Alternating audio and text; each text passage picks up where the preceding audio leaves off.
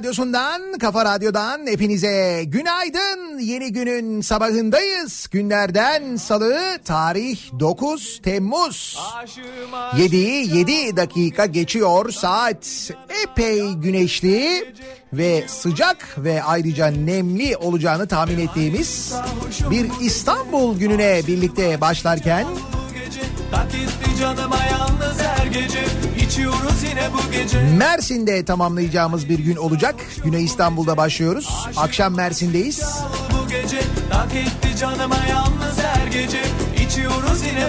Daha sıcak, daha nem. Daha da böyle yapış yapış olsun isteyerek. Bilemiyorum tabii bu arada Mersin'de gerçekten öyle mi? Hani bu aralar genelde öyle olur sıcak ve nemli olur ama.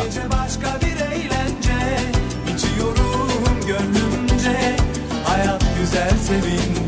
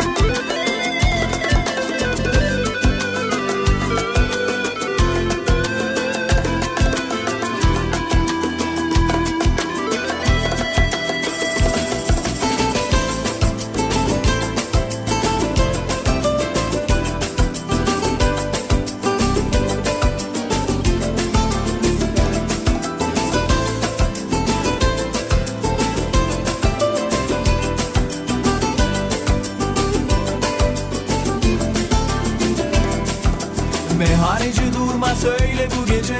Aşkı nasıl adı çile mi sence? Ne çilesi babam sanki işkence? İçiyoruz yine bu gece. Meyhaneci durma söyle bu gece. Aşkı nasıl adı çile mi sence? Ne çilesi babam sanki işkence? İçiyoruz yine bu gece. İçiyorum her gece. Her gece başka bir eğlence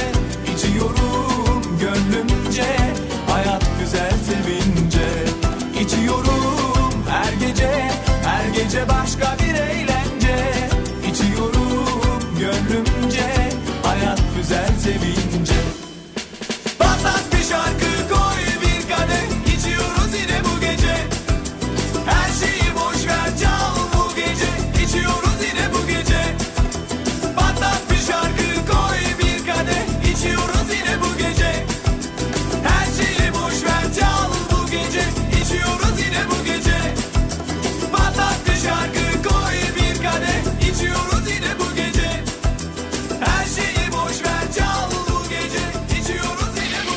Çalışması raporu geliyor. Dinleyicilerimiz yine köprü çalışması daha doğrusu çalışmaması üzerinde şu anda kaç kişi olduğu yönünde bilgiler gönderiyorlar.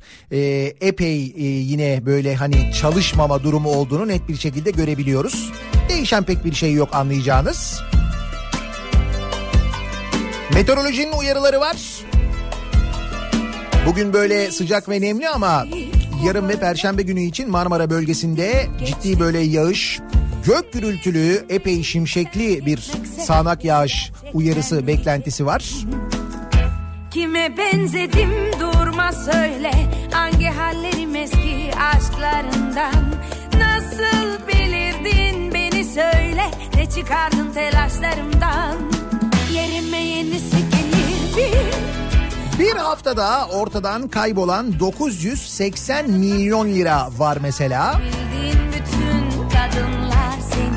Bir de torba yasa var ki o torbanın içinden çıkacak olanlar seçimden sonra az çok tahmin ettiğimiz şeyler yavaş yavaş gerçekleşmeye başlıyor. Hani ben demiştim demeyeceğim de ben demiştim ama.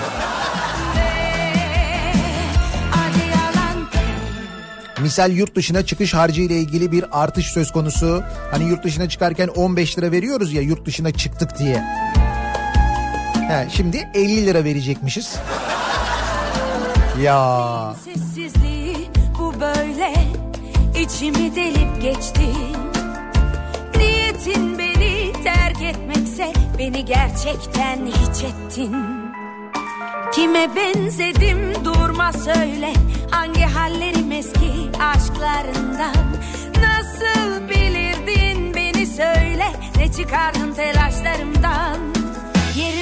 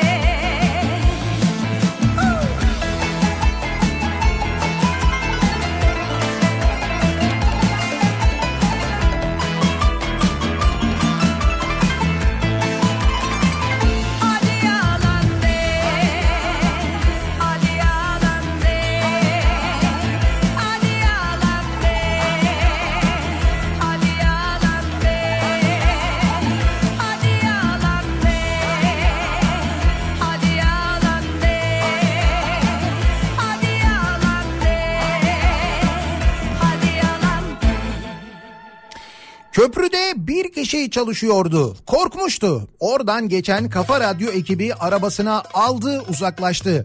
Ve çalışan kalmadı diye yayın yaptı. İşte o kadar çok köprü konuştuk ki rüyalarıma giri diyor İsmail. Rüyanızda köprü çalışması mı gördünüz?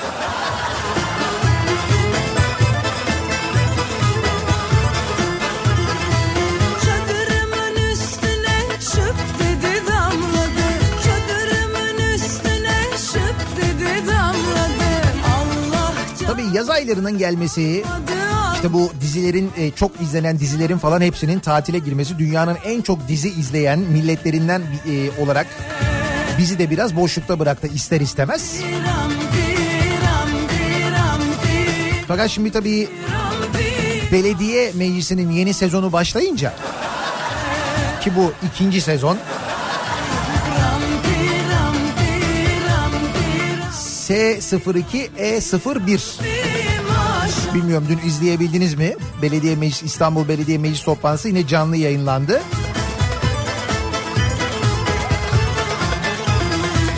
O var ya bir heyecanlı bir heyecanlı. Sürekli böyle şey sayın başkan sayın başkan böyle başa alıyorsun bir daha izliyorsun sayın başkan başa alıyorsun bir daha izliyorsun sayın başkan.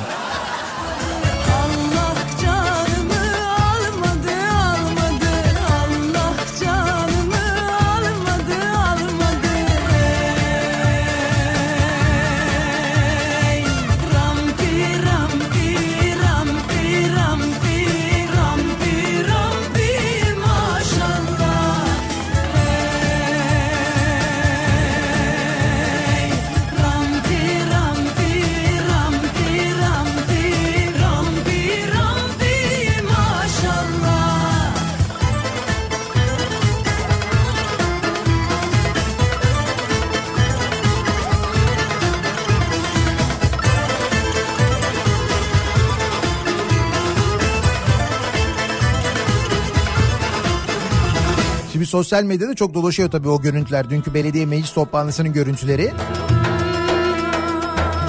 Özellikle bazı bölümler var.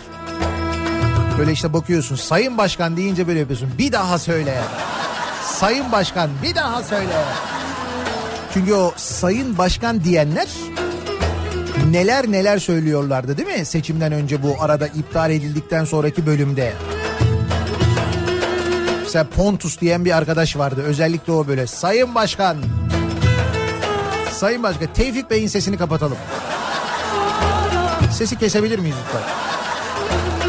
Ke- Kestiler biliyor musun? Ya. Fakat işin daha enteresan tarafı şu bence. Belki de bizim hiç yapamayacağımız bir şey bu işte. Şimdi işte ben radyo programı yapıyorum. Sen bir yerde mühendissin. Öteki bir yerde belki yönetici. Hepimizin farklı işleri, farklı görevleri var. Şunu yapabilir miyiz gerçekten de? Bir insanla ilgili böyle bayağı topluluklar önünde konuştuktan sonra yani böyle onunla ilgili böyle çok hakikaten ayıp şeyler söyledikten sonra, hakaretler ettikten sonra Üstelik bunu dediğim gibi topluluklar önünde yaptıktan sonra bu söylediklerimiz böyle kamuoyunda duyulduktan sonra böyle gazetelere haber olduktan sonra işte internette o konuştuklarımızı böyle milyonlarca insan izledikten sonra bayağı yani bir insanla ilgili böyle ağır konuştuktan sonra o insanın karşısına çıkıp onun yüzüne gülüp böyle konuşabilir miyiz acaba ya? Bunu yapabilir miyiz? Ben şahsen yapamam biliyor musun? Ya ben zaten hani öyle birisiyle ilgili öyle konuşamam da. Niye konuşayım?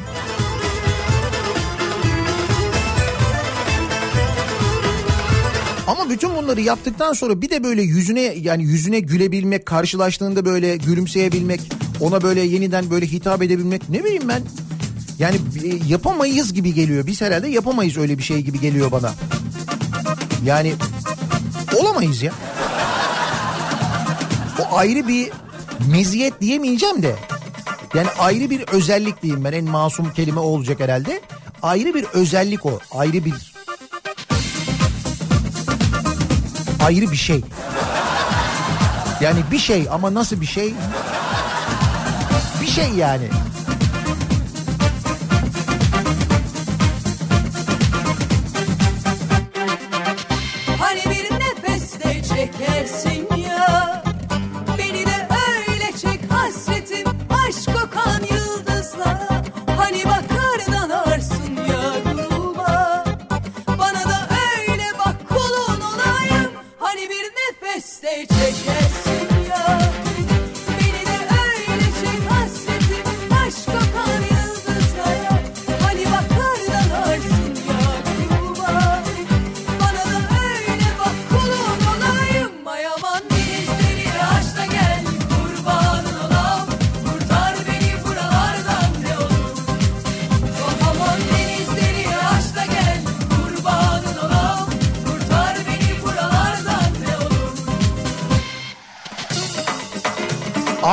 Özellikle biri var bizim iş yerinde ya gayet rahat oluyorlar. Ha iş yerinde de var böyle öyle mi? O demek ki işte bak insani bir özellik. Belediye başkanı olmakla, milletvekili olmakla, siyasetçi olmakla falan alakalı değil. İnsani bir özellik. Bazı insanlarda o özellik var yani. E çünkü biz bunu sadece belediye başkanlarında falan görmüyoruz ki siyasetçilerde de görmüyor muyuz? Birbirlerine aleni küfür eden adamlar. Sonra böyle el sıkışıyorlar, gülümsüyorlar, konuşuyorlar, yan yana geliyorlar. İttifak oluyorlar. Hani Olmuyorlar mı? Oluyorlar. Onu da gördük de. Şimdi bu kadar sıcak sıcak örneği bir de belediye başkanlığında görünce kapat çocuğun mikrofonu.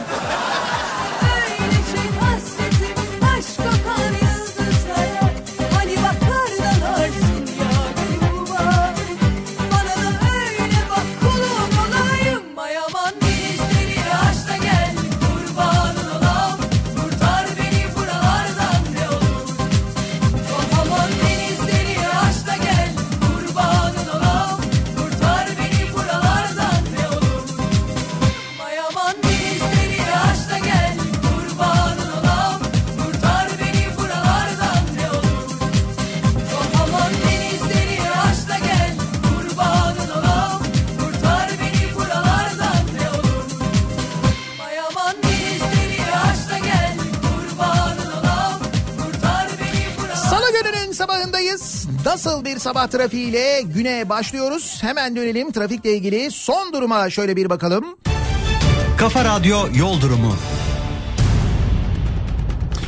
İkinci köprüdeki çalışma yine doğal olarak köprüleri yoğun bir şekilde etkilemiş vaziyette. Bu arada ikinci köprüdeki çalışma diyoruz ama bayağı bu sabah çalışmama kıvamında an itibariyle bir çalışan göremedik diyor oradan geçen dinleyicilerimiz. Karayollarının İstanbul'daki bu çalışma ile ilgili isteksizliği, yavaş yavaş hareket etmesi, dur biraz hızlandıralım da insanlar biraz daha az çile çeksin e, tutumunda bulunmaması, bu şekilde davranmaması devam ediyor. İşte gördüğünüz gibi çalışmalar gayet ağır bir şekilde ilerliyor. An itibariyle ikinci köprüde trafik şu anda e, Anadolu'dan Avrupa'ya geçişte Elmalı'nın gerisinden itibaren tır parkından itibaren başlıyor.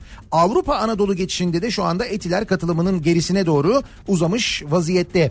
E, birinci köprü çok yoğun. Birinci köprüye ciddi bir yine e, ilgi olmuş belli. Uzunçayır'dan itibaren başlıyor birinci köprü trafiği. Beylerbeyi tarafından geliş Çengelköy'e kadar uzamış durumda. Üsküdar tarafından gelişte neredeyse Üsküdar'dan itibaren başlıyor. Birinci köprüye yoğunluk çok fazla gerçekten de. Tünel girişi bu sabah şimdilik en azından sakin. Avrasya Tüneli girişinde çok ciddi bir sıkıntı yok. Ancak Kozyatağı ile Uzunçayır arasındaki E5 üzerinde yoğunluğun epey fazla olduğunu da söyleyebiliriz.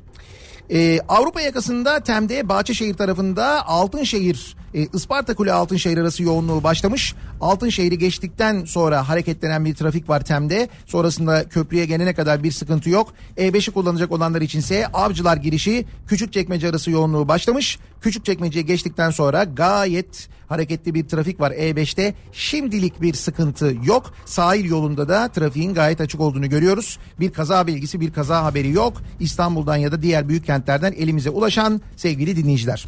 Bir ara verelim. Reklamların ardından yeniden buradayız. Kafa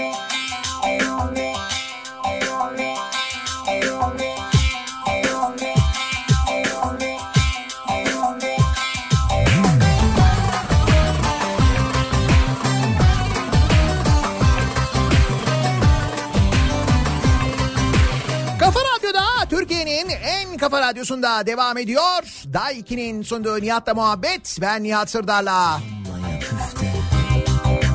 9 Temmuz Salı gününün sabahındayız. 7.30'a yaklaşıyor saat. İstanbul'da başladığımız günü Mersin'de tamamlıyoruz. Akşam Mersin'de Daikin Bayi Argon Mühendisliğin önünden yayınımızı gerçekleştireceğiz. İsmet İnönü Bulvarı üzerinde Yenişehir'de Argon Mühendislik. Oradaki Daikin Bayi Argon Mühendislik. Mersinli dinleyicilerimizi bekleriz. Ee, Bu akşam da yarın sabah da bu arada yayınımızı Mersin'den yapıyoruz. Yarın sabah da Mersin'deyiz. Akşam görüşemezsek yarın sabah görüşürüz. Yarın akşam da Adana'dayız bu arada. Daha sıcak. Daha sıcak. Sıcağın peşinden gidiyoruz.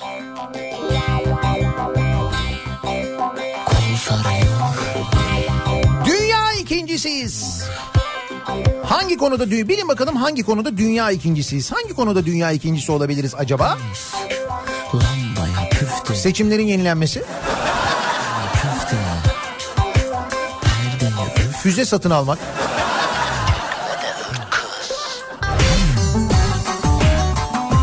Akaryakıt fiyatları, otomobillere e, konulan vergiler. Hangi bunlardan biri mi acaba? Hangi konuda dünya ikincisi olabiliriz acaba? Kuru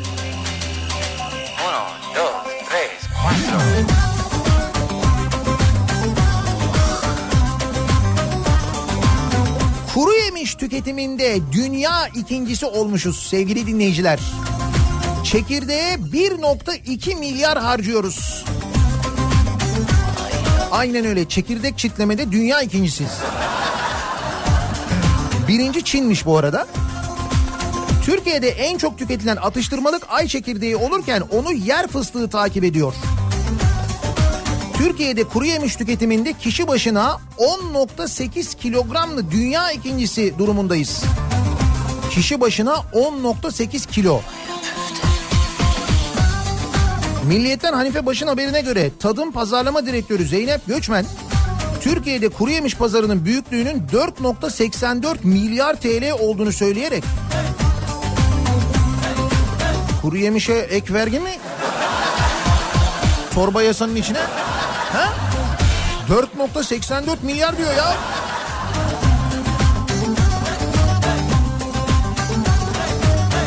Bu tüketimin %75'i açık, geri kalanı ise ambalajlı olarak tüketiliyormuş. En çok tüketilen kuru yemiş ise ay çekirdeği. Türklerin vazgeçilmez vazgeçilmezi özellikle de yaz ayları ile beraber tüketimi tavan yapıyor.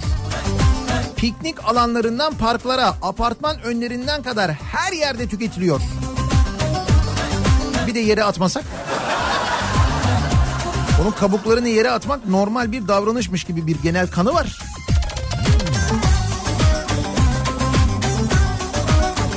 Yüzde ellisi yani tüketilen e, kuru yemişin yüzde ellisi ay çekirdeğiymiş. Ondan sonra yer fıstığı ve karışık kuru yemiş takip ediyor.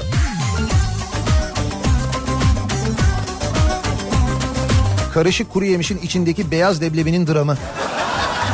Hep en sona o kalır ya. Önce diğerleri yenir en sona o kalır biliyor musun? Halbuki nasıl da güzeldir aslında beyaz leblebi. Tek başına olduğunda çok güzel. Kalabalıkların içinde kayboluyor. Lan dur kuru yemişin üzerinden ne aforizma yaptık. Sabah sabah. Şöyle bir kendimize gelelim ya.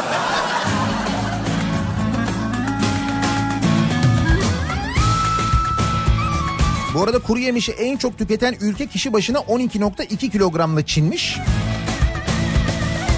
Çin'i 10.8 kilogramla biz takip ediyoruz. Sonra İran'mış 3. 8.61 kilo. 8.5 kilo ile de Amerika 4. sırada yer alıyor. Sıralamaya bak. Çin, Türkiye, İran, Amerika. Birleşmiş Milletler'de yan yana getiremezsin ya. Ama işte insanlığın ortak özelliği çekirdek çitlemek. Bu dil İstanbul dilini neler? Bu dil İstanbul dilini neler? Elvan elvan memeler Kavuşamıyor düğmeler. Bugün günlerden salı Yarim bir reyhan dalı. Gören maşallah desin Digi digi dal dal digi dal dal.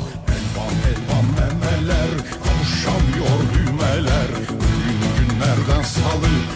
Bir reyhan dalı. Gören maşallah desin. Digi digi dal dal digi dal dal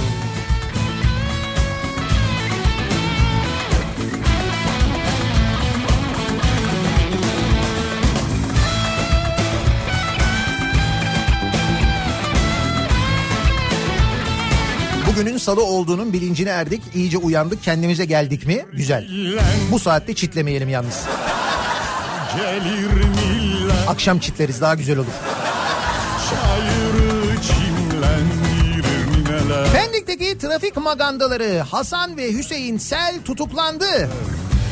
Dünün gündemi aslında sembolik bir olaydır biliyor musunuz? Bu bizim e, İstanbul'da bilmiyorum diğer kentlerde de denk geliyor musunuz? Bu kadar sık denk geliyor musunuz en azından? İstanbul gibi kalabalık bir kentte bizim çokça karşılaştığımız bir hadise.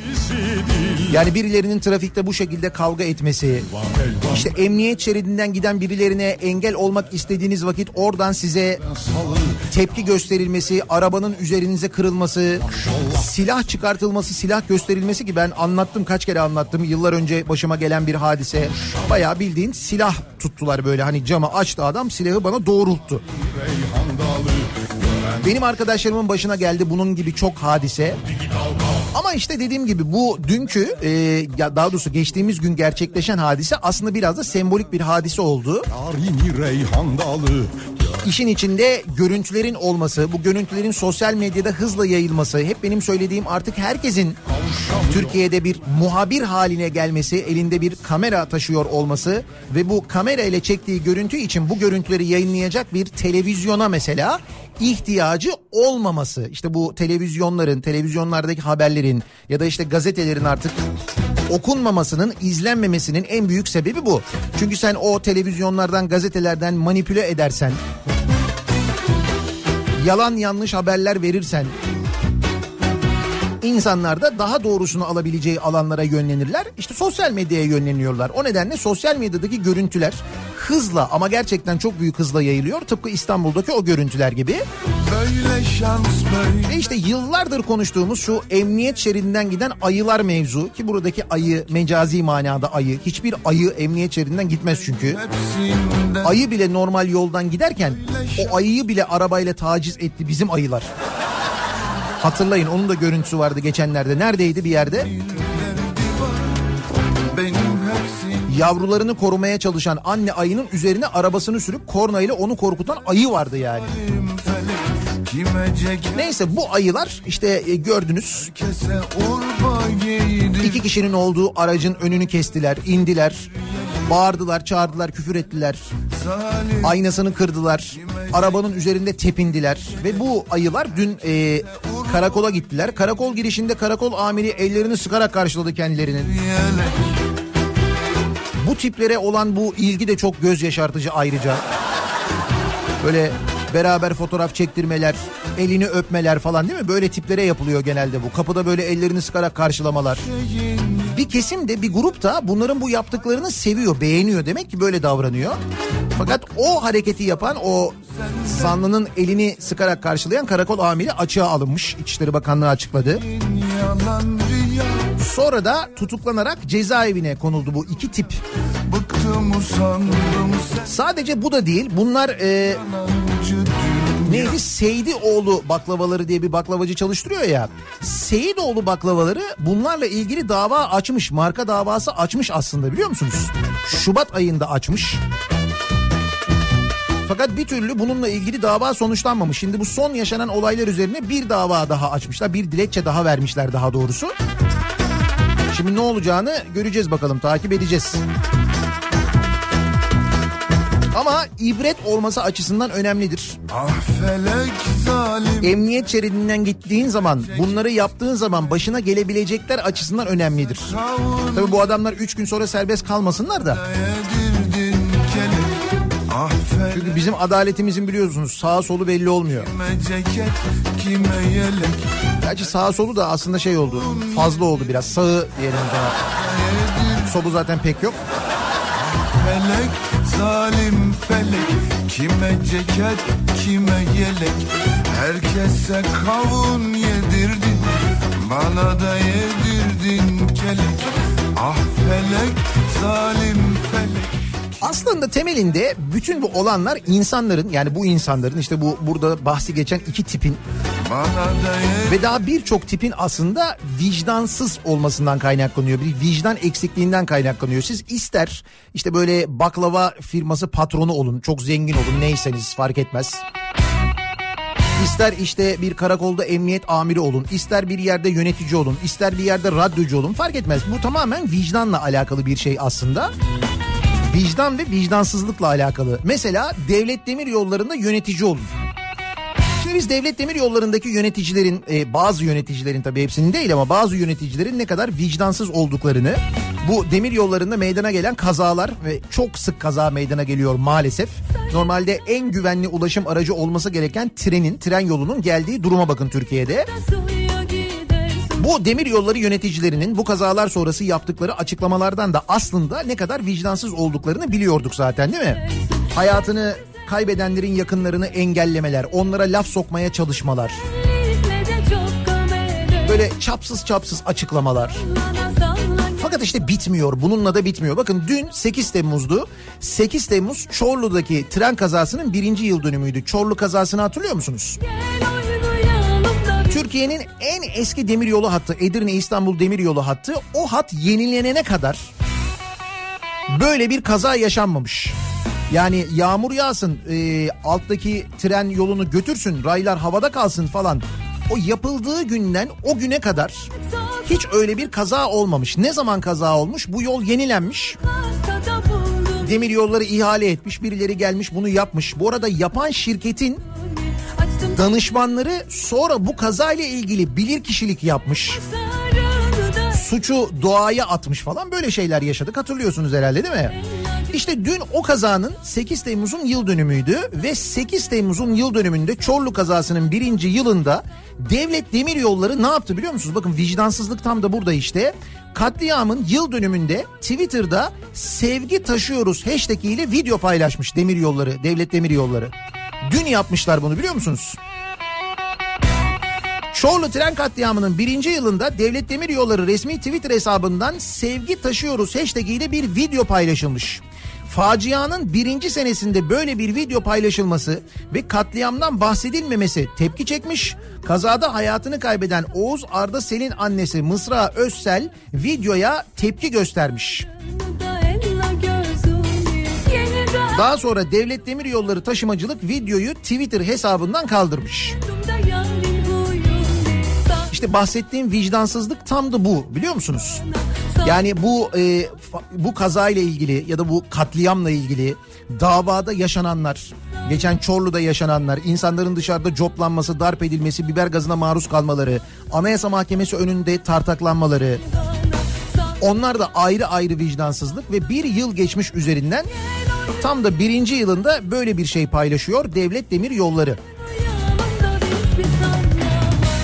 Dediğim bahsettiğim vicdansızlık tam da bu vicdansızlık ve o maalesef her yerde. Emniyet şeridinde, devlet demir yollarında bakıyorsunuz. Türkiye Büyük Millet Meclisi'nde, seçim meydanlarında, kürsülerde, her yerde ya. Ve hatta belediyelerde. Şimdi devir teslim olan e, belediyelerde geçmişte neler olduğunu öğreniyoruz ya. Spalar, jacuzziler, yurt dışı gezileri, makam araçları, jipler, jet skiler. Ramazan şenlikleri için ama. Ramazan'ın vazgeçilmezi jet ski. Hem de Ankara'da. E, içime fenalık aman be yetti Bu sefer haber Ankara'dan e, değil yalnız Adana'dan. Bakma e, Adana Büyükşehir Belediyesi'ne bağlı Ulaşım AŞ'de çalışıyor görünen 3 kişinin Hani Azerbaycan'da yaşayan bankamatikçiler olduğu tespit edildi. Adamlar Adana'da bile yaşamıyor. Adana'ya geçtim Türkiye'de değillermiş.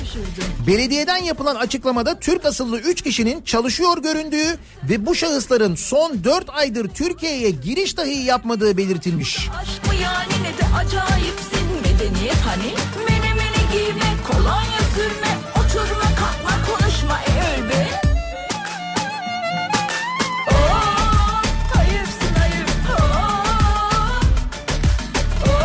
Belediyelerde bahsedilen bankamatik memurları durumu var ya.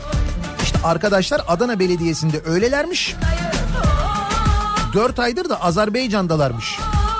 Adana Belediyesi Ulaşım AŞ 4 aydır Azerbaycan'dan il. Mesela ne için gitmiş olabilirler oraya?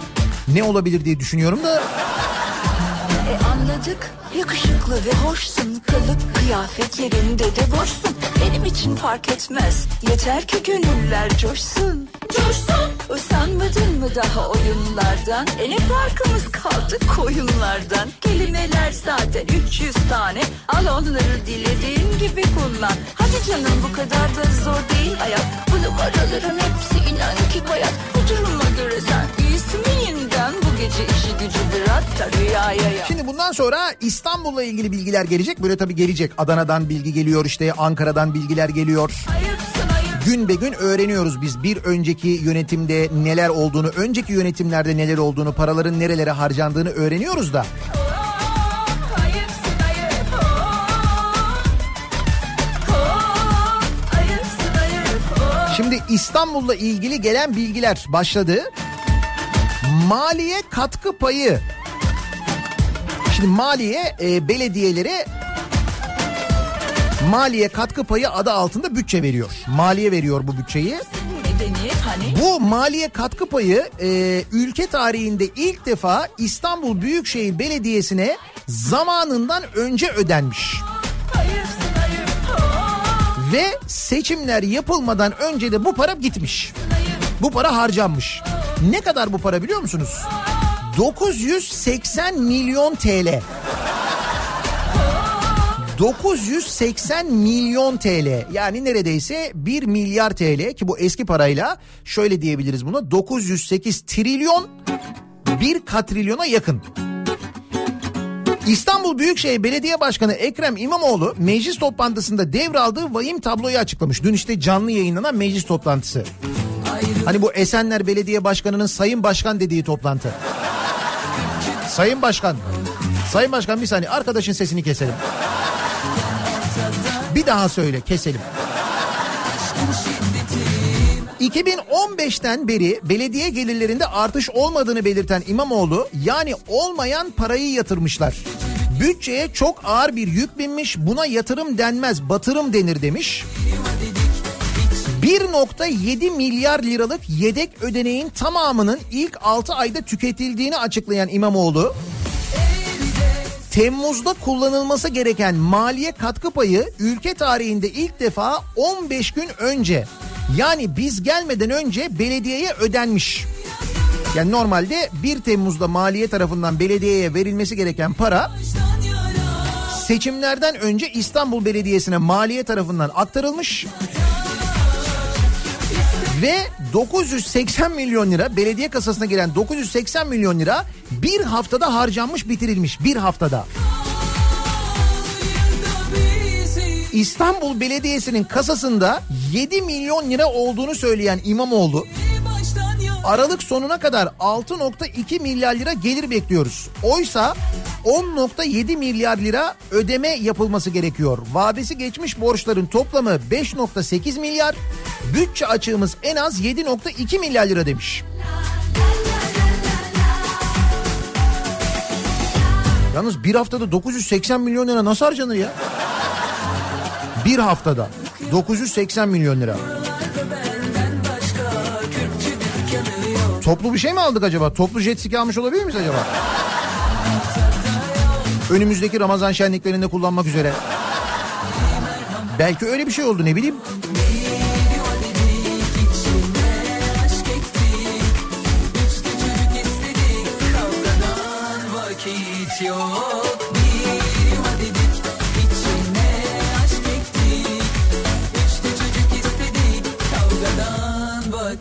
yok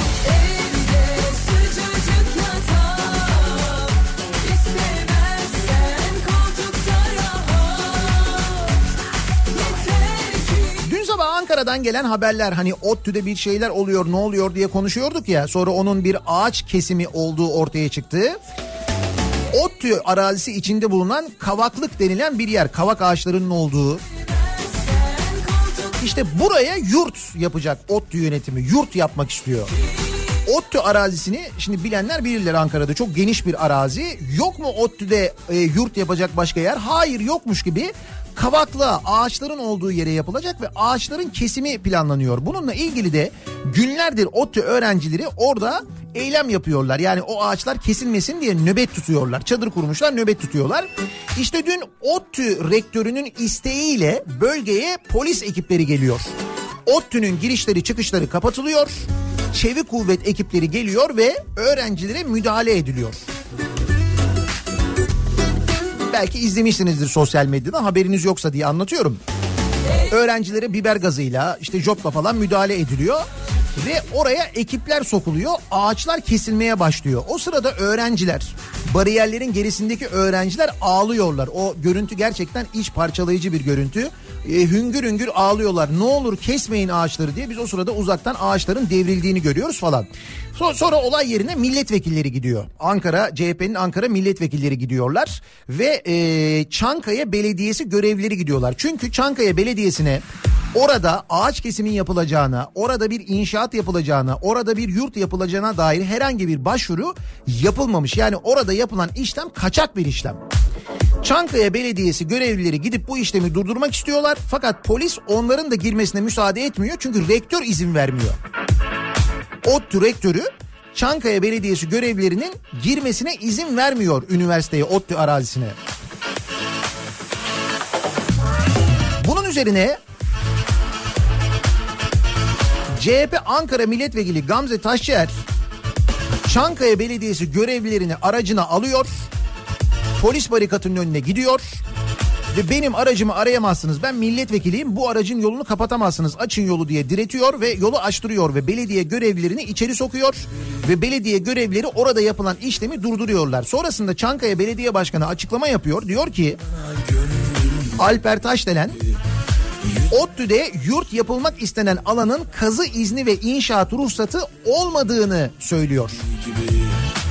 ODTÜ'de yurt yapılması istenilen alanda parselasyon yok. Arsa şu anda kadastral parsel konumunda. Bu nedenle kazı izni ve inşaat ruhsatı yok. ODTÜ imar planı 12 nolu plan notuna göre bu işlemleri yapmaya yetkili olan Çevre ve Şehircilik Bakanlığı'ndan da bunlar alınmış değil. Bu tespitler üzerine denetim yapmaya giden belediyemiz görevlileri yani resmi kamu görevlileri rektörün talimatıyla kampüse sokulmuyor ve görev yapmaları engelleniyor. Arkadaşlarımız bilahare kampüse girebiliyor az önce anlattığım yöntemle ve tespitlerini yapıyor. Bütün bu hukuksuzluklar kabul edilemez. Rektöre tekrar hatırlatıyorum belediyenin memurunun görevini yapma, yapmasını engelleyemezsiniz diyorlar. Bu arada ODTÜ rektörü böyle belediyeymiş oymuş buymuş falan hiç takmıyor. Hani böyle yeşili meşili doğayı geçtim. Zaten hani Bozkır'ın ortasında bir yeşillik var onu kesmeyi de geçtim. Zincir Sonra Ankara Büyükşehir Belediye Başkanı Mansur Yavaş devreye giriyor. Mansur Yavaş'ın ODTÜ yönetimiyle görüşüp ruhsatsız alana karşı harekete geçtiği öğrenildi. Yavaş ODTÜ yönetimine ağaçlara kıyılmaması karşılığında yurt yapımını üstlenmeyi teklif etti. Sosyal medya hesabından da Mansur Yavaş bunu duyurdu. senin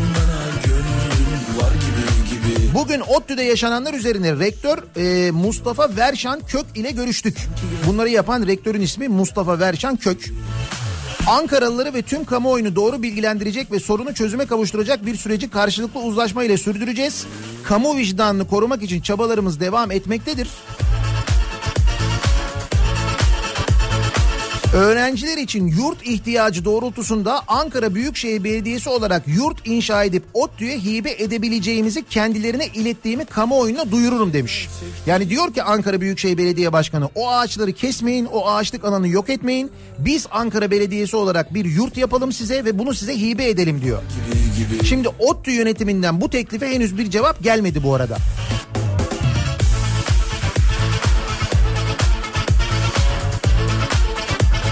Ankara'da da bunlar oluyor.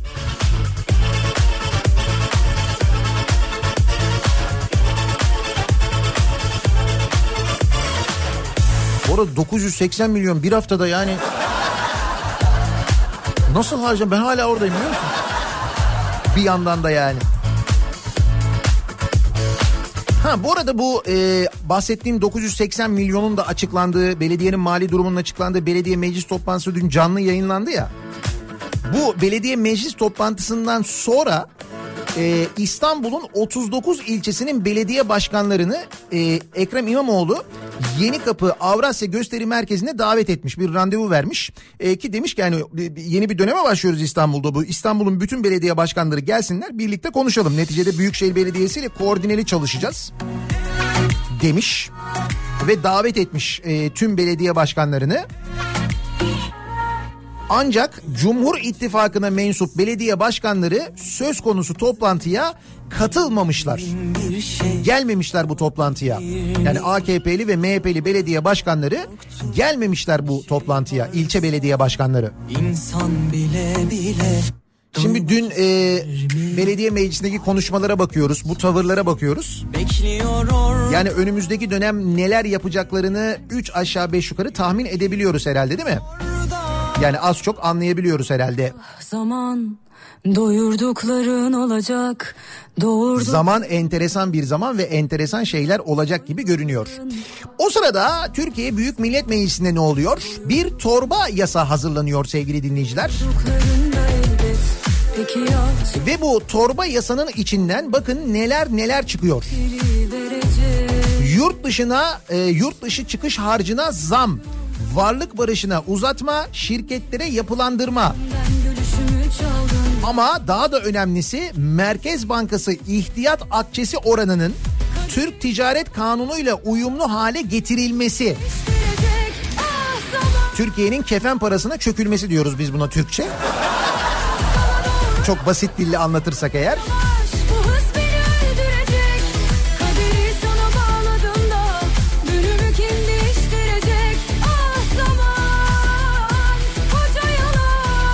Barış Yarkadaş sosyal medya hesabından paylaşmış. Merkez Bankası Başkanı Murat Çetinkaya'nın görevden alınmasına neden olduğunu ifade ettiği ihtiyat akçesinin ki bu ihtiyat akçesi mevzu yüzünden Merkez Bankası Başkası, Başkanı'nın görevden alındığı da iddia ediliyor.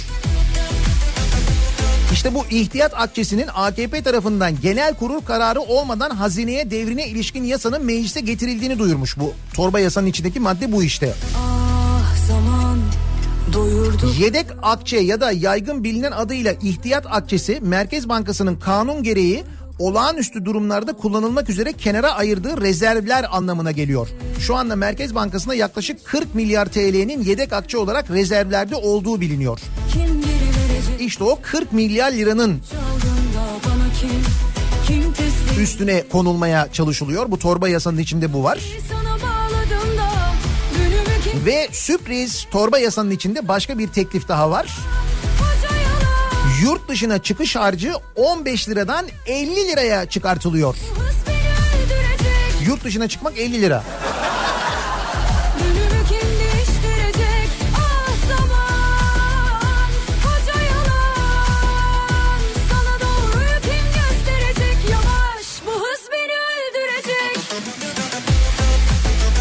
Yani evet seçimlerden sonra bir şeyler bekliyorduk da bu kadar hızlı bekliyor muyduk?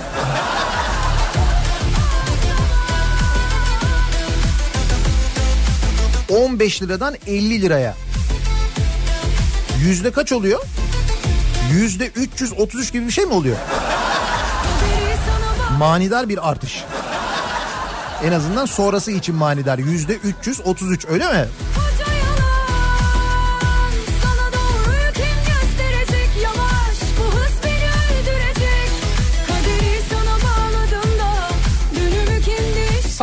50 lira vermek yeterli mi? Yurt dışına çıkarken başka ne yapabiliriz acaba?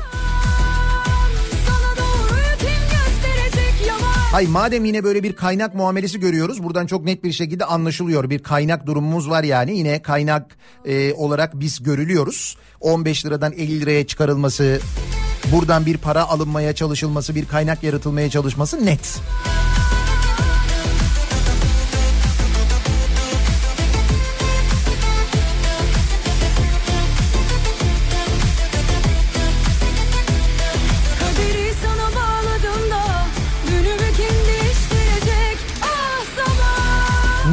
başka kaynak olabiliriz? Başka neler yapabiliriz yurt dışına çıkarken acaba diye bu sabah dinleyicilerimize soruyoruz.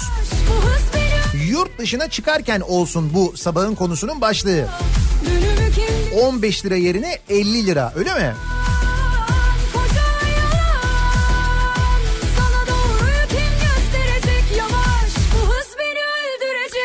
Sosyal medya üzerinden yazıp gönderebilirsiniz, katılabilirsiniz yayınımıza. Yurt dışına çıkarken bu sabahın konusunun başlığı 15 lira olarak ödediğimiz yurt dışına çıkış harcı 50 liraya yükseltilecekmiş. Böyle bir e, teklif var. Torba yasanın içine konulmuş bir madde var. Bugün yarın yasalaşabilir yani.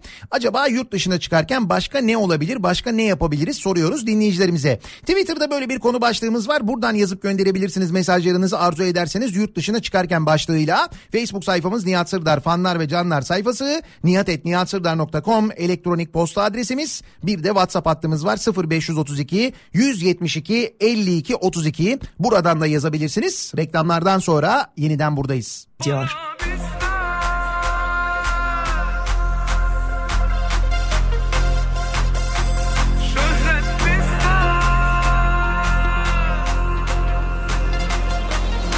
Kafa Radyo'da Türkiye'nin en kafa radyosunda devam ediyor.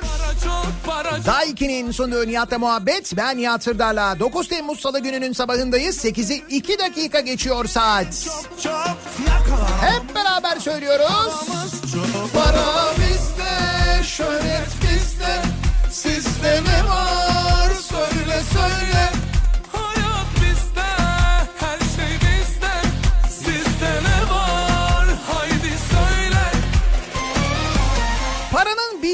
Olduğunu bize bir kez daha ispat eden durumlar. İstanbul Belediyesi'ne Temmuz ödeneğinin 15 gün önce ödenmesi ve paranın bir haftada harcanması ki 980 milyon lira bu. Çakallarla yarışırız. Para çok, para çok. Yurt dışı çıkış harcının 15 liradan 50 liraya yükseltilmesi. Çok çok. Bunlar göstermiyorsa ne gösteriyor? Para bizde işte. Para bizde,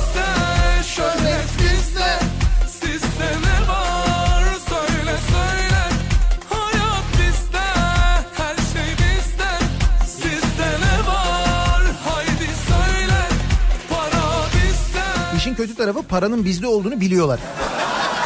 İşte o yüzden 15 liradan 50 liraya çıkıyor. Vergiler arttırılıyor, o arttırılıyor, bu arttırılıyor. Şimdi e, yurt dışına çıkarken 50 lira vermek ki 15 lira vermek de saçma da çünkü e, seyahat anayasal bir hak değil mi? Anayasal özgürlüklerden bir tanesi. Niye gülüyorsun? Anayasal hak dediğim için mi? İşte bu noktaya gelmemiz dram zaten.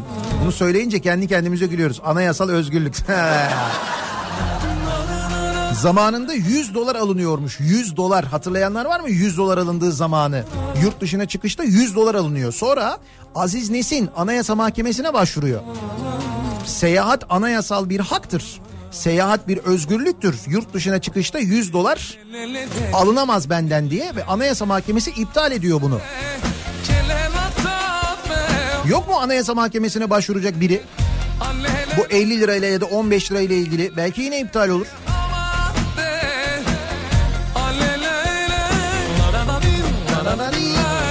Başka ne yapabiliriz acaba? Yurt dışına çıkarken diye soruyoruz. Belli ki bir kaynağa ihtiyaç var. Belli ki paraya ihtiyaç var.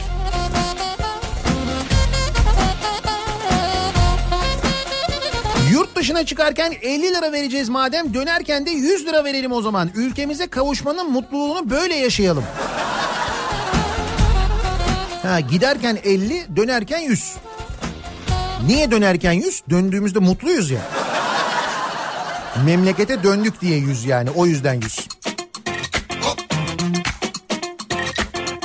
Nihat Bey ne dolar ne altın alacaksın şimdi bin tane pul. 15 liradan her kriz bir fırsattır. Hakikaten şu anda onlar 15 liradan satılıyor değil mi? Fazla alabiliyor muyuz ondan ya? Yarısı yalnızlı Geliyor nazlı nazlı Öyle bir yar sevdim ki Yeni köylü burgazlı Sigarası yaldızlı Geliyor nazlı nazlı Yurt dışına çıkarken uçulan mil veya kilometre başına bir ücret alınabilir mesela. Ha mesafeye göre.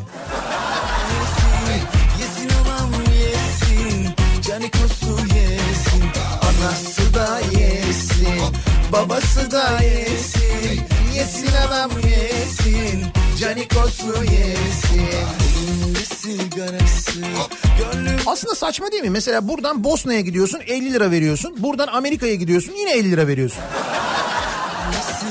Mesafeye göre yani ne kadar yurt dışına çıktığına göre mesela yurt dışı harcı ödense değil mi?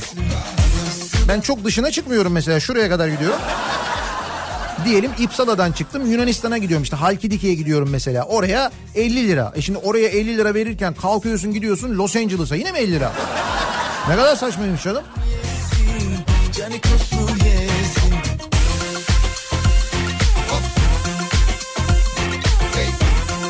Bak Kereman da yazmış. Her bin kilometrede kademeli olarak artmalı diyor. Mesafeye göre yurt dışına çıkış harcı olmalı diyor. Anası da yesin Babası da yesin Yesin anam yesin Canikosu yesin Tatil fotoğrafı başına 50 kuruş vergi. O nasıl olur yurt dışına çıkarken? Kafadan ödüyorsun mesela 10 lira diyorsun ki ben şu kadar fotoğraf paylaşacağım.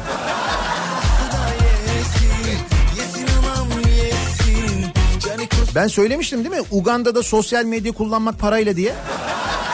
Biliyorsunuz değil mi onu? Uganda'ya gittik. Şimdi Uganda'da böyle arkadaşlarımız yerel hat falan aldılar.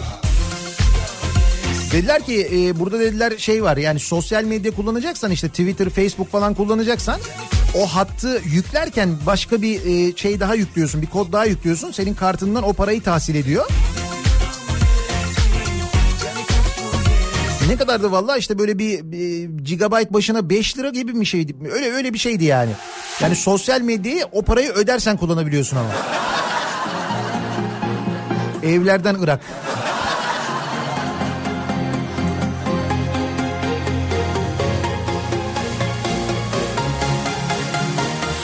Dön 50 lira mı? Yuh. Ya.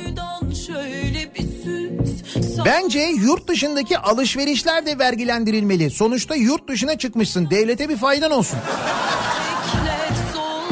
Yo saçma bir şey değil mi ya? Yurt dışından alışveriş yaparken zaten orada vergi ödüyorum. Oradan aldığım şeyin buraya dönüp niye bir daha vergisini ödüyorum ya? başkasına Niye ödüyorsun biliyor musun? Niye buradan almıyorsun vergisi o? Sen gidiyorsun şimdi telefonu oradan alıyorsun. E niye oradan alıyorsun? E orada daha ucuz. Yok ya. Oldu. Hiç anlatamıyorsun onu ya ben oradan aldım ama orada vergi ödedim zaten. O diyor ki o beni ilgilendirmez. O telefonu nerede kullanacaksın? Burada o zaman burada da ödeyeceksin. Zaten ödüyoruz bu arada. Dönünce ödemiyor muyuz onun için bir kayıt parası ödüyoruz o işte o.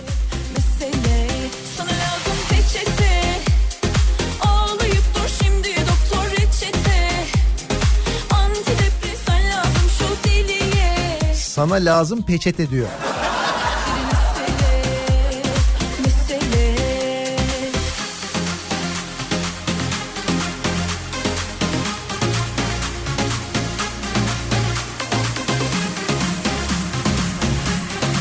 dışına çıkarken yapılacaklar konusunda Azerbaycan'da yaşayan Adana Belediyesi çalışanlarından tavsiye alabiliriz.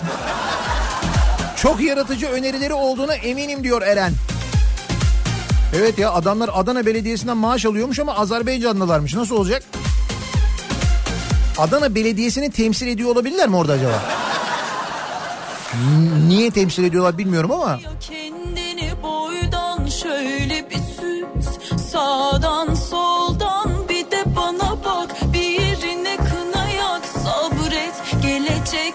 bu şarkının sözleri çok güzelmiş ya.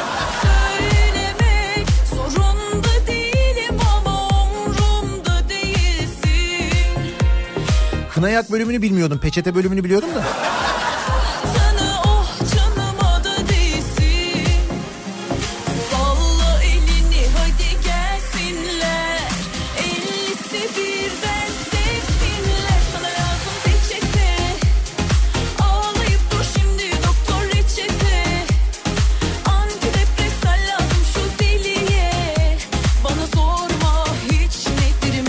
Abi kınadan peçeteye, peçeteden antidepresana nasıl geçtik ya?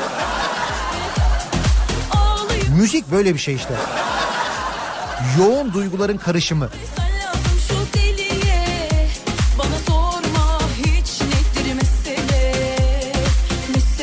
Yurt dışına çıkarken eski giyecek ve eşyalarımızı verip yerine çamaşır leğeni ve mandal alabiliriz. Mandallar Türkiye'li logo Türkiye logolu olursa yurt dışında dağıtıp reklam da yaparız aynı zamanda diyor Zeki.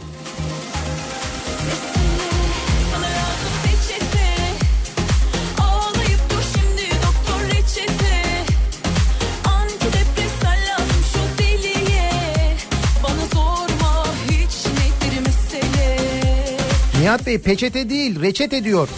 Hayır hem peçete diyor hem reçete diyor.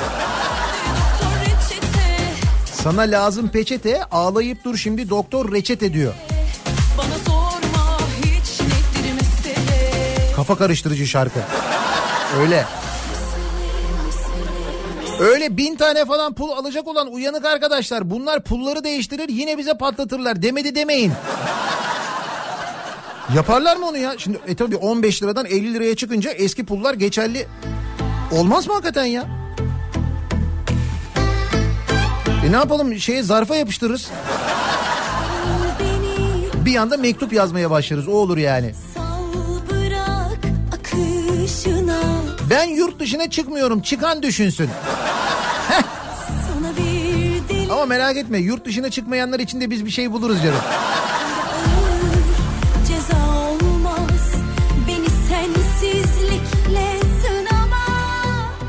Tamam yurt dışına çıkarken 50 lira ödeyelim kabul ama gelirken 10 rakı getirebileceğiz. Ha. Bak bu olabilir böyle mütekabiliyet diyorsunuz.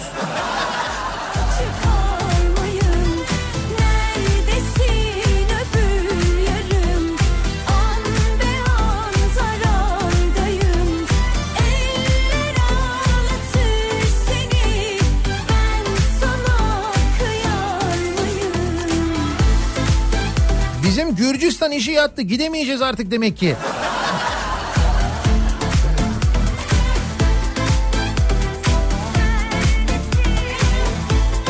Abi o değil de Kaş'tan Meis'e gidenlere çok koyar bu 50 liraya. değil mi hakikaten şimdi? Kaş'tan biniyorsun 15 dakika gidiyorsun. Karşıya geçiyorsun Meis'e 50 lira. Feribot kaç para ya? Onun için bence mesafeye göre olmalı ya söylüyorum.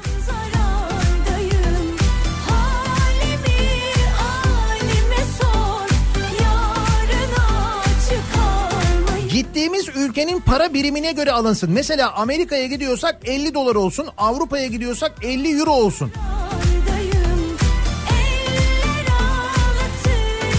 Yani siz gerçekten acımasızsınız ya.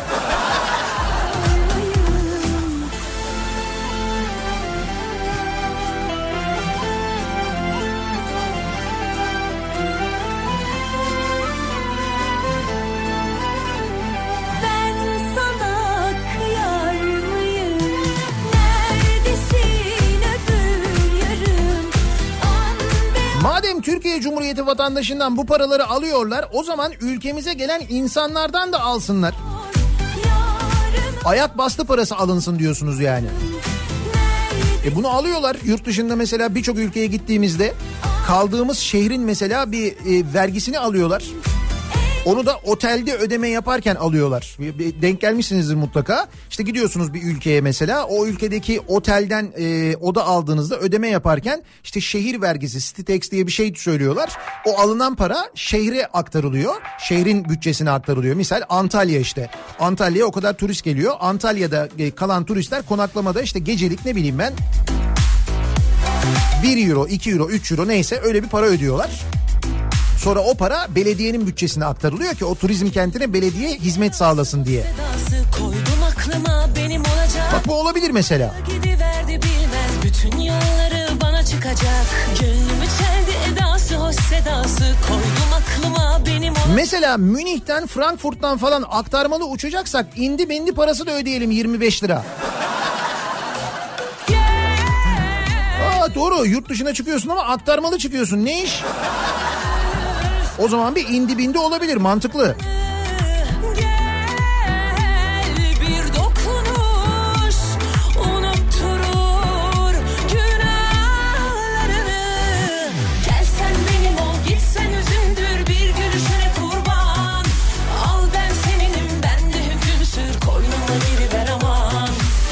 Ayvalık Midilli tur fiyatlarına baktım. Gidiş geliş tekne ücreti 25 euro. Yunanistan kapı vize ücreti 55 euro. E şimdi 50 lirada çıkarken vereceğiz. Toplamda 610 lira. Bence tam sayıya toplama vergisi alınabilir. Bilet dahil 610 liraysa mesela 700'e tamamlanabilir. Hayır maksat vatandaş bozuk parayla uğraşmasın. İnsan kendini koca bir hapishanede hissediyor diyor dinleyicimiz. Benim olacak durmadı gidiverdi bilmez. Bütün yolları bana çıkacak. Gönlümü çeldi edası hoş sedası. Koydum aklıma benim olacak. Durmadı gidiverdi bilmez. Bütün yolları bana çıkacak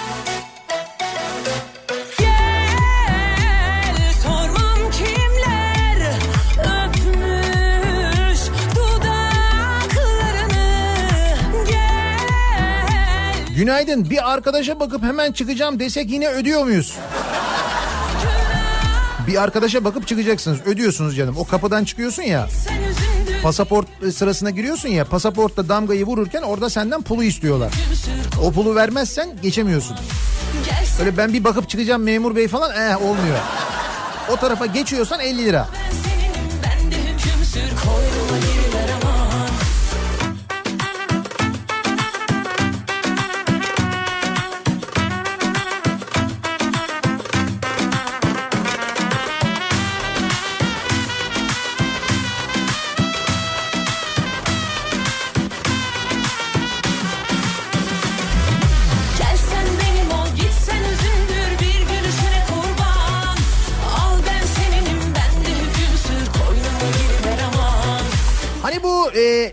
Dünyanın en çok kuru yemiş tüketen e, ikinci ülkesiyiz demiştik ya Çin birinci sıradaydı. Çin'de kişi başına ortalama 12 kiloymuş çekirdek e, daha doğrusu kuru yemiş tüketimi diyelim biz ama ağırlıklı çekirdek zaten bu. Sonra 10.8 kilo ile biz geliyoruz. Onunla ilgili konuşmuştuk. Dinleyicimiz hatırlatıyor diyor ki o çekirdeği de zaten diyor Çin'den ithal ediyoruz diyor. Öyle mi? Çekirdeği de Çin'den mi ithal ediyoruz biz ya? Bakalım ben kimim? Seni en çok sevecek değilim. Aç hadi gönül kapılarını Hele bir içeri girelim. Al beni bas bağrına İyi gelirim kalp ağrına. Kurulup aşk sofrana Seni bir güzel severim. Ondan sonrası zaten bende. Herkes diyor ki yurt dışına çıkarken yetmez. Dönüşte giriş ücreti de ödeyelim. Saatler dursa da olur mu? Artık her dakikam sana rezerve Kurduğum her hayal seninle ilgili Vallahi çok seviyorum çok Kalbimin her yeri sen dolu sevgili İçinde boş yer yok Yurt dışına çıkarken herkese adım sayar takılsın. Yurda geri dönüldüğünde atılan adım başına para toplansın. O zaman görün bakalım. Amuda kalkarak yürümekte ne kadar uzmanlaşıyoruz. O adım sayar. Amutta yürüdüğün zaman da sayar bence. Cemcim söyleyeyim.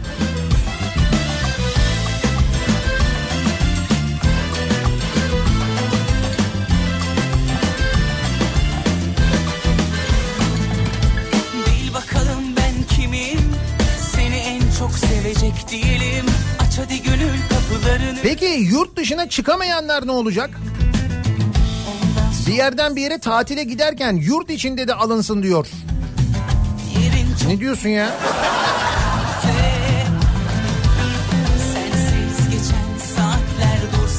Mesela İstanbul'dan Çanakkale'ye gittin. Çanakkale'nin girişinde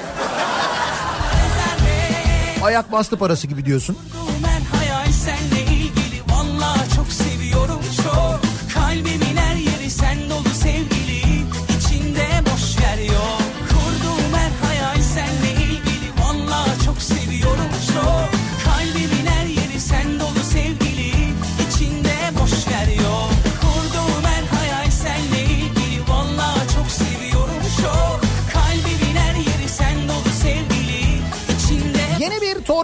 Var sevgili dinleyiciler. Bu torba yasanın içinde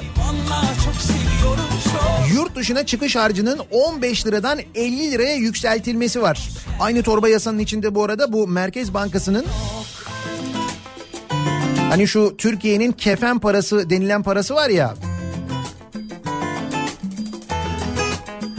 İhtiyat akçesi onun da hazineye devriyle ilgili bir yasa var. İşte bu yasa meclise getiriliyor. O getirilen e, torbanın içinde yurt dışına çıkış harcının 15 liradan 50 liraya çıkarılması da var.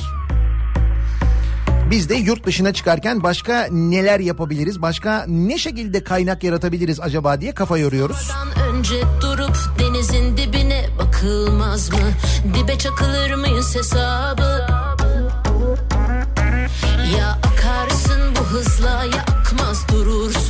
Yurt dışına çıkarken free shoplara vergi konulabilir. Ne öyle vergisiz?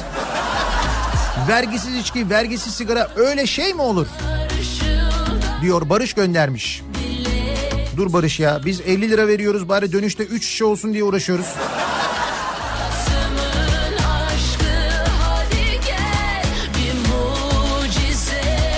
Ne yani? Yurt dışına çıkarken valizler için bir şey ödemeyecek miyiz? Saçmalık bence diyor Koray. UFO gibi iniyorsun uzaydan Bu işleri öyle kolay mı sandın? Hadi canım yandan. Havalı da havalı görünsen köşeden. Bu neyin kafası anlamadım ben. Sıkıldım hadi çal başka bir telden. Sana olmaz ben. Canım meclis lokantasında çorba 2 lira olmuşken biz yurt dışına çıkarken 50 lira vermişiz. Çok mu yani? Diyor Yasin. Ya vekiller ne yapsın? Vekiller galiba yurt dışına çıkarken harç ödemiyor. Ödüyorlar mı?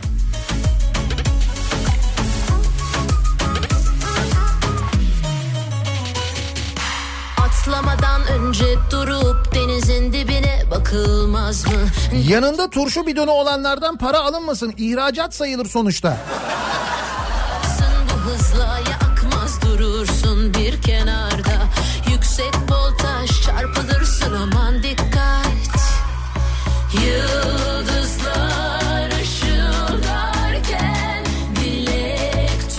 Neyse diyor Gökhan en azından pul veren dayı artık bozuk yok muydu diyemeyecek. Evet o çok oluyordu ya pul alırken böyle bozuk yok mu falan diyordu 15 liraya yok ne yapayım yani. Şimdi 50 lira artık bozuk bozuk falan uğraşmayacağız. İyi yani. Havadan karadan damdan bacadan UFO gibi iniyorsun uzaydan Bu işleri öyle kolay mı sandın Hadi canım yandan Havalı da havalı görünsen köşeden Bu neyin Bu da uyanık. Yurt dışına çıkarken pul almaya gerek yok. Pasaport kontrol noktasında yerlerde pullar saçılmış vaziyette. Yanlışlıkla pasaportu düşürüp topla. Canım onlar üzeri damgalanmış pullar. O damgalanan kullanan kullanılan pulları bir daha kullandırmıyorlar. Bir uyanık sensin çünkü değil mi?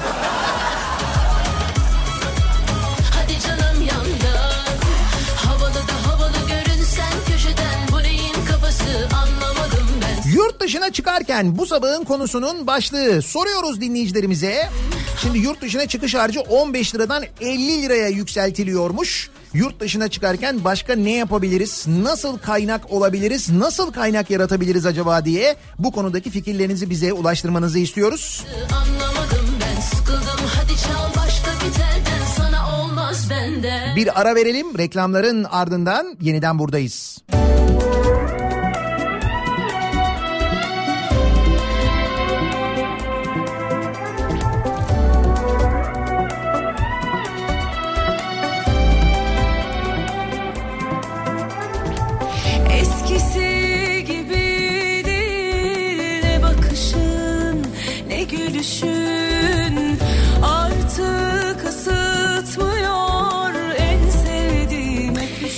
Kafa Radyo'da Türkiye'nin en kafa radyosunda devam ediyor.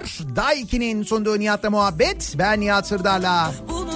Salı gününün sabahındayız. Yurt dışına çıkış harcı 15 liradan 50 liraya çıkarılıyormuş, yükseltiliyormuş.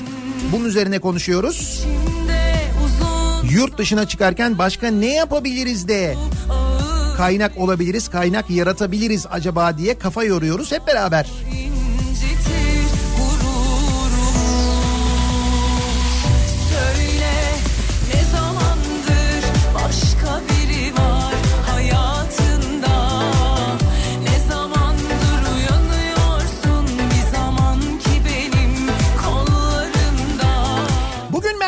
geliyoruz. Akşam Mersin'den yayındayız. Yarın sabah yayınımız da Mersin'den.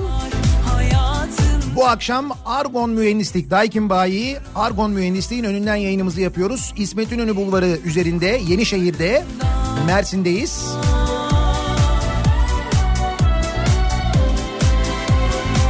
Yarın sabahta 3A Mühendislik'ten yine Mersin'den yayınımızı yapıyoruz. Yarın akşamsa Adana'ya geçiyoruz. Adana'da yine Daikin Bayi Dalgıç Endüstriyel'den yayınımızı gerçekleştireceğiz. Yarın Mersin ve Adana'dayız yani. Yarın ve çarşamba. Neyse ki Mersin'e ve Adana'ya giderken İstanbul dışına çıkış harcı ödemiyoruz da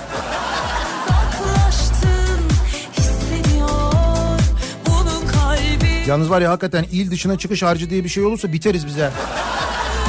Yani bana epey bir zararı olur.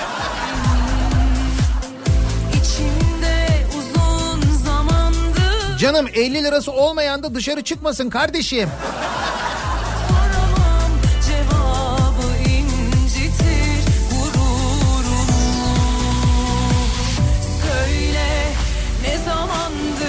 Başka biri var hayatın Ben pul mevzunu anlamıyorum diyor bir dinleyicimiz. Aslında zaten uçak biletini alırken kimlik numarasını alıyorlar ya. Dolayısıyla ücret uçak biletine gömülebilir. Ayrıca her 10. yurt dışına çıkışta da 10 katı para alınabilir bir kereliğine mahsus. Hem de o kuyruğa girmeye mağduriyetten kurtuluruz. Timur Lenk Bey diyebilirsiniz bana diyor. 10. çıkışta 10 katı mı? Evet hakikaten size Timur Lenk Bey diyelim bence de ya.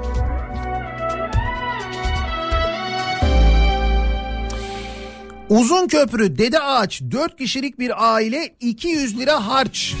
150 lira yakıt 100 euro bira sandviç kahve vesaire eşittir 1000 TL. İşte diyorum ya çok yakın mesafeye gittiğin zaman da uzun mesafeye gittiğin zaman da aynı ücret yani.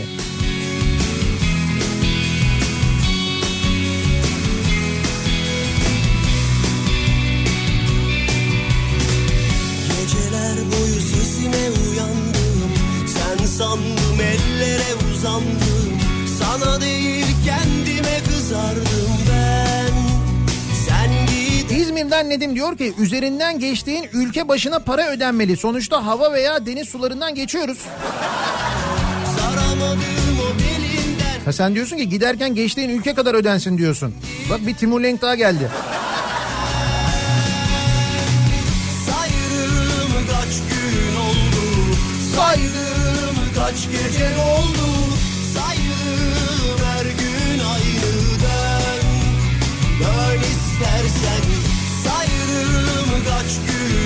Sayıyorum sayıyorum hep adam kazanıyor ya. Hatırladınız değil mi şarkıyı? Hani bir ara sürekli sayıyorlardı. Her gün sayılıyordu. Saymaya devam ediyorlardı. Bir gün, üç gün, beş gün, on gün.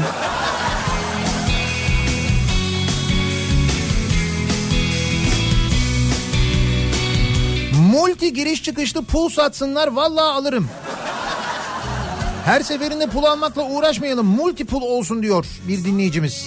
kendime kızardım ben Sen giderken aramadım ama elim gitti telefona Soramadım ama kalbimine yan yana Saramadım o belinden Yalnız yurt dışına çıkarken pul satan gişelerde çok kuyruk oluyor. Bir iki kişi daha koysunlar. saydım Anıl göndermiş. Ben de onu söylüyorum ya. Yani köprünün ortasına bir kişi daha koyarsak eğer... Bizim o anlattığımız köprü fıkrası gerçek oldu farkındasın değil mi? Bak Nihat Bey gişede çok uyruk oluyor bari pul satan iki kişi olsun.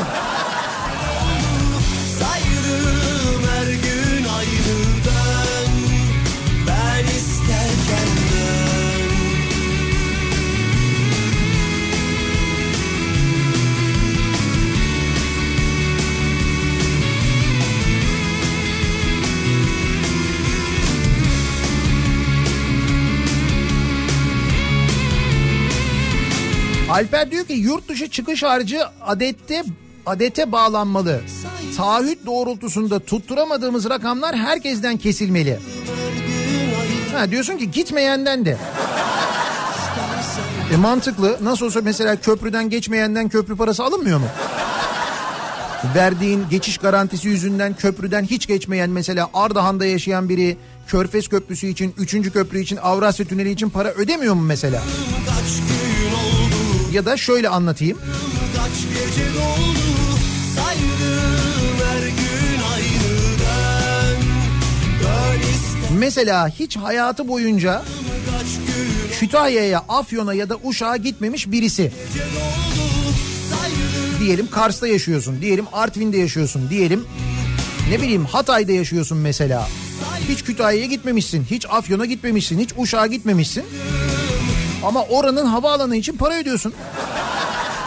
E ödüyorsun tabii. Kaldı 25 yıl. 25 yıl daha ödeyeceksin bu arada. Bir şey yok canım. Yap işlet devret modelinin kamuya faturası büyüyor. %97'lik yanılma ile verilen yolcu garantisi nedeniyle yanılma %97. Zafer Havalimanı'ndan uçmayan yolcular için bütçeden İçtaş firmasına yapılan garanti ödemesi 2018'de 6 milyon euroya çıkmış. 7 yıllık faturası 32.7 milyon euro olan garanti ödemeleri yolcu hedefine ulaşılamazsa 2044 yılına kadar da sürecek. Bak gördün mü? Artvin'den ödüyorsun işte. Orada bir havalimanı var uzakta. Uçmasan da inmesen de ödüyorsun yani. Bıraktın beni kanadı kırılmış bir kuş gibiyim Dönüp de bakmadın bir gün halime Sokağa atılmış bir taş gibiyim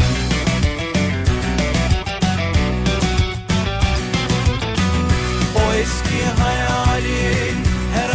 Neyse biz yine yurt dışında gezelim de. En azından İstanbul içinde. Kısaca Mu by Garanta'yı sizlere hatırlatmak istiyorum. Yalnızca İstanbul'da 27 ilçede hizmet veriyor bir Anadolu grubu markası Mu by Garanta. Ee, aplikasyonu indiriyorsunuz. Üyelik için bir ücret ödemiyorsunuz. Aplikasyon sizin konumunuza göre size en yakın aracı gösteriyor. Mu by Garanta uygulamasından görüyorsunuz. Aracı kiralıyorsunuz. Aplikasyon üzerinden aracın kapılarını açıyorsunuz. Torpidodaki anahtarla arabayı çalıştırıp istediğiniz yere gidiyorsunuz. Türkiye'nin neresine gitmek isterseniz oraya Muğla'yabiliyorsunuz. Ancak tek bir şart var o da kiralamanızı yine Mu by Garanta hizmet bölgesi kapsamında bitirmek zorundasınız. Yani İstanbul'da. Benzin ödediğiniz ücretin içinde ekstra bir yakıt ücreti ödemiyorsunuz. Benziniz bittiği zaman Mu by Garanta'nın anlaşmalı olduğu benzin istasyonlarından taşıtmatikli aracı fulluyorsunuz. Acılar çöktü bak sensiz bağrı Saatlik fiyatlama sisteminden 15 dakikalık fiyatlama sistemine geçiş yaptı Mu by Garanta bu arada. 15 dakikasına 7,5 lira e, ödüyorsunuz. Bu fiyatlarla başlıyor fiyatlar. Sen gittin gideyim Şimdi bu e, Mu by Garanta'dan araç kiralayabilmek için ilk kiralamanızı yapmadan önce bir sözleşme imzalamanız gerekiyor ve ehliyetinizi ibraz etmeniz gerekiyor ya. İşte bu aşamayı kolayca tamamlayabilmeniz için Mu by Garanta yetkilileri Temmuz ayı boyunca plazaları geziyorlar. Kuracakları standlarda sözleşmelerini imzalayanlara ilk kiralamalarda geçerli 1 saati 1 liralık bir kupon da veriyorlar aynı zamanda. Yani yeni fiyat yapısıyla 1 saate kadar kiralamalarınız bu kuponla ücretsiz oluyor olacak. Bugün e, Mu by Garanta standı Nida Kule Levent'te. Dolayısıyla aplikasyonu Mu by Garanta aplikasyonunu ücretsiz indiriyorsunuz telefonunuza. Üye oluyorsunuz. Gidip sözleşmenizi imzalıyorsunuz. O 1 saatlik 1 liralık indirim kuponunuzu da alıyorsunuz. sarhoş gibi Sonra en yakındaki Mu by Garanta arabasına biniyorsunuz. 1 saat kullanıyorsunuz 1 lira ödemiş oluyorsunuz. Nasıl? içmeden yıkılmış Bugün Nida Kule Levent'teler. Mu by Garanta standı orada. Oraya gidip e, imzalayabiliyorsunuz ya da o yakınlardaysanız sizin ayağınıza kadar gelmiş oluyor bu imzalama fırsatı. Bakalım KDV, ÖTV, turizm payı, pul parası bence hiç uğraşmasınlar direkt maaşı alsınlar. Bu öneri de geliyor biliyor musun? Biz direkt maaşı verelim. E zaten maaşın büyük bir bölümünü veriyorsun. Farkında değil misin onun? Salın hepsini üstüme gelsinler Teker teker karşıma çıksınlar Yurt dışına çıkarken değil de girerken magnet vergisi alınsa dünyanın en zengin 3 ülkesi arasına girmemiz an meselesi olur. Dik alnım açıkken ben Bu alemde kendimi tek geçerim O değil de benim başka bir önerim var. Şöyle bir şey yapsak. Madem 50 lira veriyoruz bu pulu alıyoruz ya. Bu pulu mesela magnet şeklinde yapsalar. Yani yine pul görüntüsü olsun üstünde ama magnet olsun. Biz bunu 50 lira veriyoruz ya. Boru mu bir tane pula 50 lira verilir mi? Hiç olmazsa magnet olsun üstüne damga da vurulsun ona da okey. Sonra biz bu magneti götürelim yurt dışında gittiğimiz yerde hediye edelim ya. Ülkenin tanıtımına da katkı olsun. Bak bence mantıklı ya düşünelim bunu. Beni hep yok saysınlar Başım dik alnım açıkken ben Bu alemde kendimi tek geçerim Bu alemde kendimi tek geçerim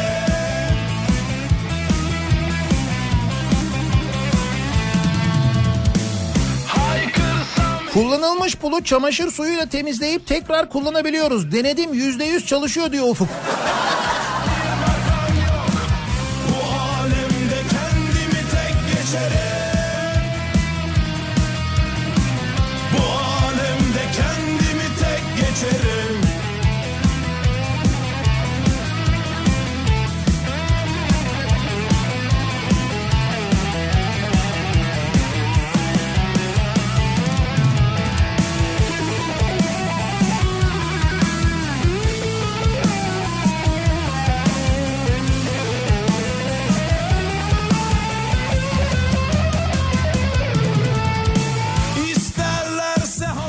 Dışına çıkmayandan da senede bir kere yurt dışı çıkış harcı alınsın. İtiraz eden olursa da çıksaydın kardeşim bize ne denilsin. Heh, bu olabilir bak. Böylelikle yurt dışına çıkmamış bile olsa insanlara çıkmış gibi. En azından o hissettirilebilir değil mi? O olabilir mesela. kendimi tek geçerim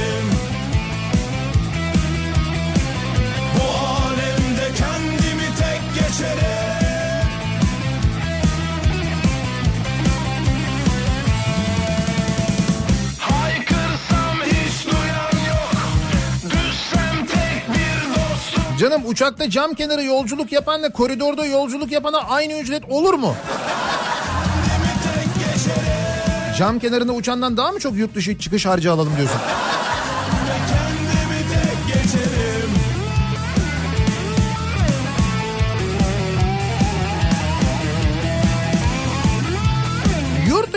Çıkış harcı 15 liradan 50 liraya yükseltiliyormuş sevgili dinleyiciler. Bunu konuşuyoruz. Reklamlardan sonra yeniden buradayız.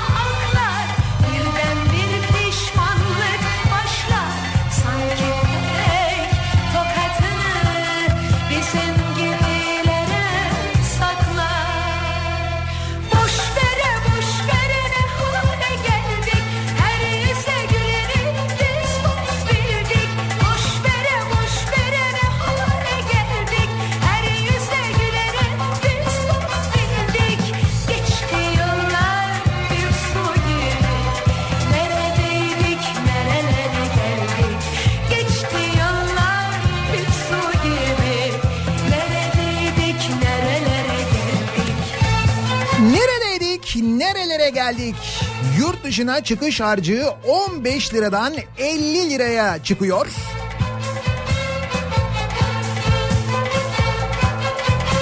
Nerelere gidebiliyoruz çok emin değiliz tabii gidebilir miyiz? 50 lira. Belli ki bir kaynak ihtiyacı, belli ki bir para ihtiyacı var.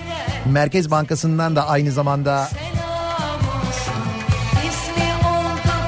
kefen parası denilen paraya göz konulduğuna göre iş o noktaya kadar geldiğine ihtiyat akçesine kadar mevzu geldiğine göre yurt dışına çıkış harcı 15 liradan 50 liraya çıktığına göre sanki biraz sıkıntı var değil mi?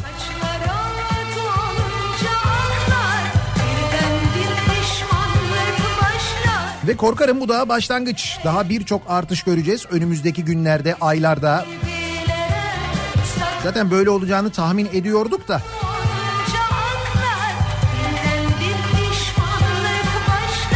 Böyle patır patır gerçekleşince insan ister istemez duyduğundaki şoku yaşıyor. Boş